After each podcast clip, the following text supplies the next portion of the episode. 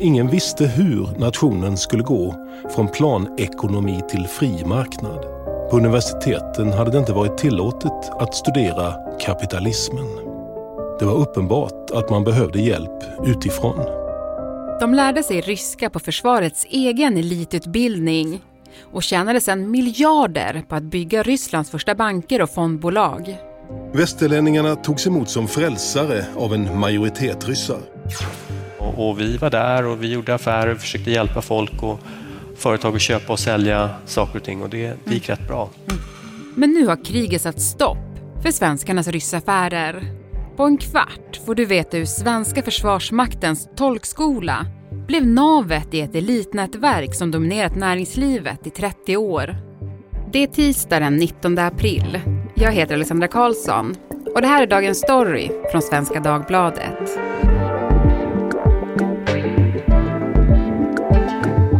Sofia Sinclair och Joel Dahlberg, reportrar på SvD Näringsliv. Ni har ju nystat i en historia om ett gäng svenskar som gjort sig väldigt rika i Ryssland. Och alla har de en gemensam nämnare. Vad är det ni har kartlagt? Vi har eh, kartlagt det som kallas för Försvarets tolkskola. Och vi har tittat på de eh, svenskarna som har gått där och som har eh, ja, men rest till Ryssland och, och antingen då startat um, olika verksamheter eller bolag där, byggt sin förmögenhet. Men också de som har mm, kommit senare och varit i Ryssland men kanske via kontakter och det man har lärt sig i Ryssland byggt bolag också sen i Sverige eller andra delar av världen. Mm. Och vi har ju pratat mycket om det här jobbet och då förstår man på er två att ni tycker att det är otroligt spännande. Var, varför är det så spännande tycker ni? Det är myten kring tolkskolan som är, som är i, kärnan i det här som är för mig väldigt fascinerande. Hur människor med ett läshuvud utöver det normala, alltså extrema eh, pluggmänniskor pratar vi om här, som söker sig till den här utbildningen för att de vet att här får de sin utmaning. Det är citat som att jag var bäst i klassen men när jag kom till tolkskolan så var jag bara en medelmåtta. De dras till den här tolkskolan för att det ställs sådana enorma krav. Mm. Men det är också väldigt spännande tycker jag att bara se när man började titta på det här hur många som är kopplade dit som var ganska liksom, oväntade och hur det här nätverket har formats eh, och hur det har liksom, påverkat näringslivet. Det mm. tycker jag också har varit väldigt spännande att titta på. Mm. Och jag hade i alla fall aldrig hört talas om tolkskolan innan jag läste eran text. Alltså vad, vad är tolkskolan för utbildning?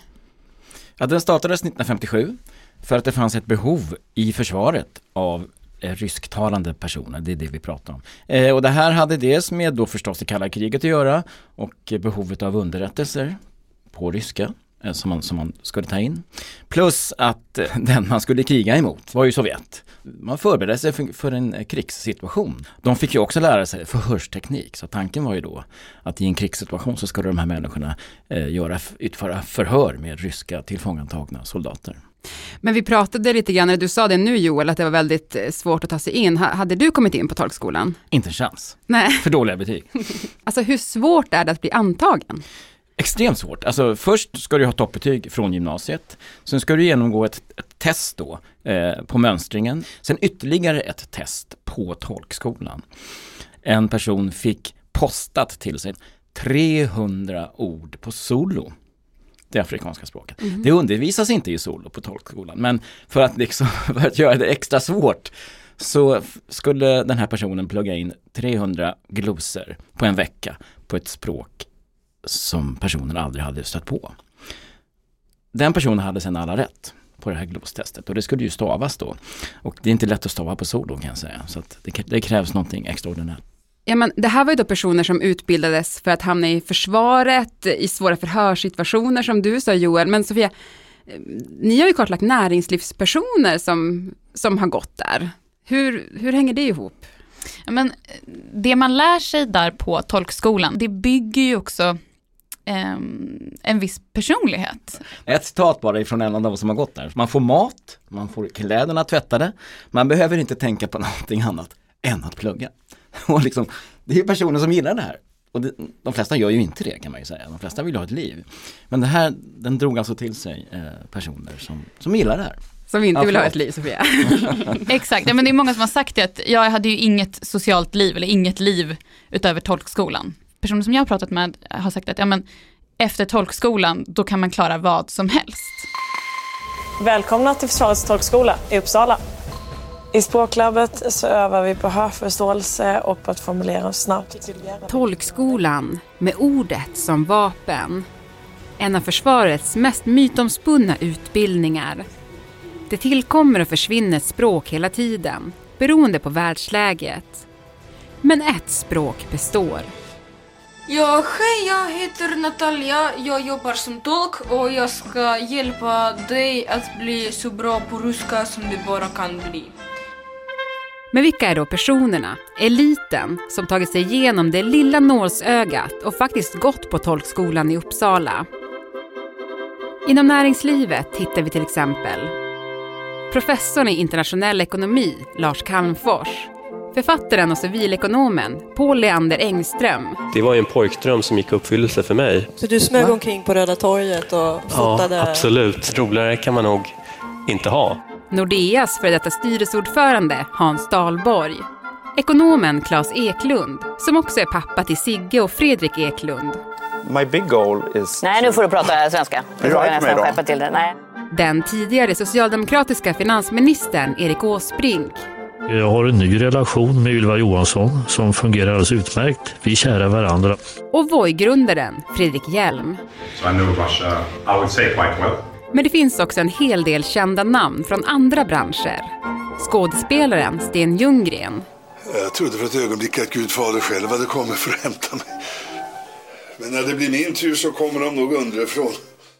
komikern Jonas Hallberg Kära ledamöter av KU. Varför går inte ni igenom en elementär utbildning i förhörsteknik och vittnespsykologi? akademiledamoten Horace Engdahl Det jag sa i intervjun handlade naturligtvis inte om sex. Vi grabbar talar inte om sånt. tidigare justitiekanslern Göran Lamberts Först drack vi ett glas vin, så drack vi två snapsar och så sent på kvällen drack vi två drinkar. Och så drack vi nog ett glas vin till. Och diplomaten och tidigare Rysslandsambassadören Sven Hirdman. Att uh, ryssarna anfaller? Ja. Ja, jag har väldigt svårt att föreställa mig vad det skulle finnas för skäl för ryssarna att göra det. Jag, jag tror ju inte att det blir ett krig. Så att det, det är verkligen inte bara statsvetare och diplomater som, har, som kommer därifrån. Men om vi tar då näringslivspersonerna som ju är de som ni har, har kollat så kan man ju säga som så då att på 90-talet så var de ju verkligen på rätt plats vid exakt rätt tillfälle. Mm. Ja men det är ju historien som tar vid här plötsligt eh, och griper in i de här människornas öde. För 1991 så faller ju Sovjetunionen. Och på otroligt kort tid så, så förändras hela det sovjetiska samhället. Det blir Ryssland och det statliga sovjetiska näringslivet ska privatiseras. På, på, bara på ett par år så privatiseras 15 000 eh, industriföretag i Ryssland. Och man behöver hjälp, alltså det finns ju inte kompetens för att göra det här i Ryssland. Man behöver rysktalande personer med finansiell kompetens. Och här har, det finns ett antal tolkar då som efter tolkskolan har gått på handels eller andra ekonomiutbildningar i Sverige och som hamnar i Ryssland mitt i den här enorma aktiviteten i Ryssland med privatisering av företag. Och sen så startar de egna företag, blir förmögna, tjänar mycket pengar för det finns mycket pengar att tjäna i Ryssland. Och sen kan man faktiskt spåra de här pengarna genom årtiondena hur de investeras. Så att det går att följa dem faktiskt till nutid. Mm. Och vad var det för företag då till exempel? Ja, bland annat familjen Lundins bolag Vostok Nafta som byggde på råvaruhandel i Ryssland. Man investerade i oljebolag och gasbolag och tjänade väldigt mycket pengar. För det var ju från början väldigt få som ville satsa i Ryssland för det var extremt riskabelt. Men Adolf Lundin satsade och blev, tjänade väldigt mycket pengar i Ryssland. Ett annat bolag, ett fondbolag, ett av de största i världen faktiskt när det gäller eh, förvaltning av ryska aktier, Prosperity Capital startat av två stycken före detta tolkelever i Ryssland 96. Och det intressanta är det att de här förmögenheterna som skapades då kan man följa genom årtiondena när de placerades i andra företag och skapade nya förmögenheter. Mm. Sofia? Ja, och då kommer man ju in på nästa generations tolkelever kan man väl säga. Ehm, och då har ju också de här investeringarna skiftats om lite. Vostok Nafta då skiftade om mot mer internettjänster och, och vad man kanske idag säger då techbolag. Eh, och då var det ju till exempel Avito, som, det är en eh, rysk köp och säljsajt blev det sen, ungefär som Blocket. Två tidigare handelselever som inte kunde någon ryska men som senare plockade in tolkskoleelever som de visste kunde jobba hårt. Eh, och de fick ju då pengar från eh, Vostok Nafta. Vidare till till exempel Voi som är grundat av två tolkskoleelever varav Fredrik Hjelm då eh, talade ryska. Han jobbade på svenska ambassaden i Ryssland och sen så kom han hem och startade Voi och fick då investering också från Vostok Nafta som bytte namn till VNV. Så att de pengarna har ju verkligen gått från 90-talet och hängt med i liksom utvecklingen av både ja, ja men det ryska samhället men samhället är stort och eh, var man kan hitta framgångsrika investeringar och det är ju mycket idag i, i techbolag. Det är ju mycket ehm, företag här och, och, det är lite svårt kanske att hänga med om man inte är lika insatta som ni men, men som jag då tolkar det ni säger så kan man ju säga att då tolkskolan, det har liksom byggt upp ett slags nätverk som följer genom generationer av elever på tolkskolan. Det vi får berättat för oss är ju att om en tolkskoleelev träffar en annan så finns det en gemenskap för att man vet vad man har gått igenom. Det här berget som hon har bestigit, det har vi hört flera gånger från flera personer. Och då, det, det skapar liksom en samhörighet som är viktig ju när man ska lita på varandra. Och viktigt inom affärer jag kan investera i det här bolaget för att jag vet att de här grundarna, jag vet vad de går för.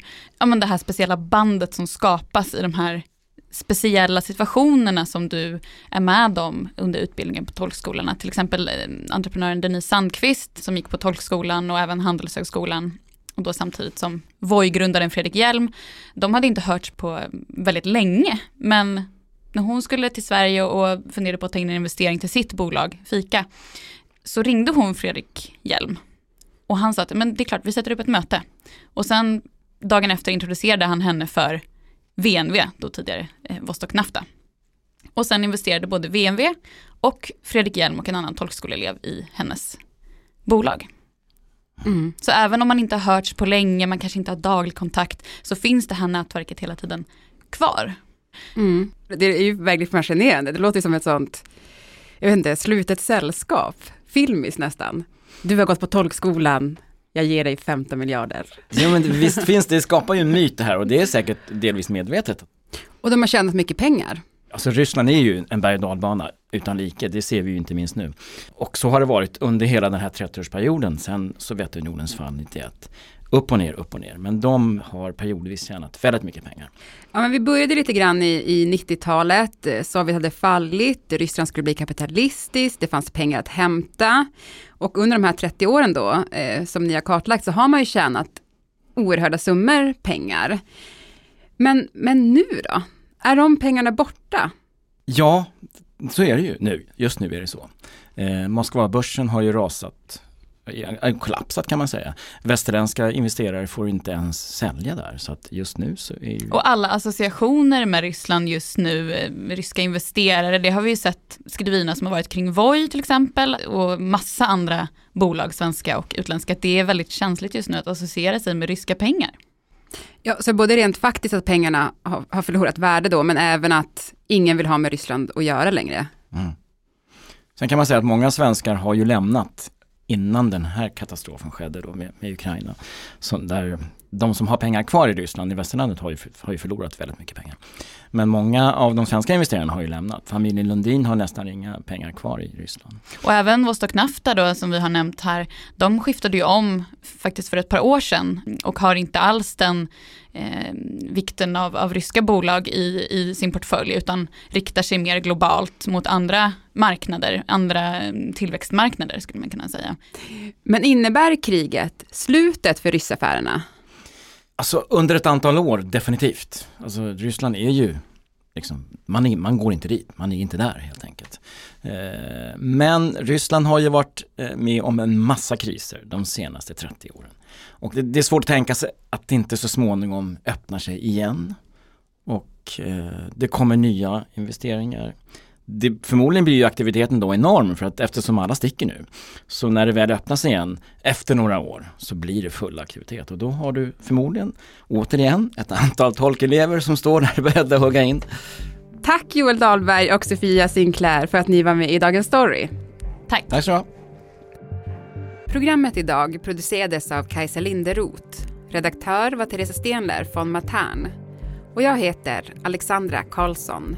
Vill du kontakta oss så mejla till dagensstory.svd.se. Klippen i dagens program kom från Att skapa en Putin, Books and Dreams, Försvarsmakten, Keyyos Youtube-kanal, TV4, Sveriges Radio, Skärgårdsdoktorn, Nordegren och Epstein, Expressen och Kvartal.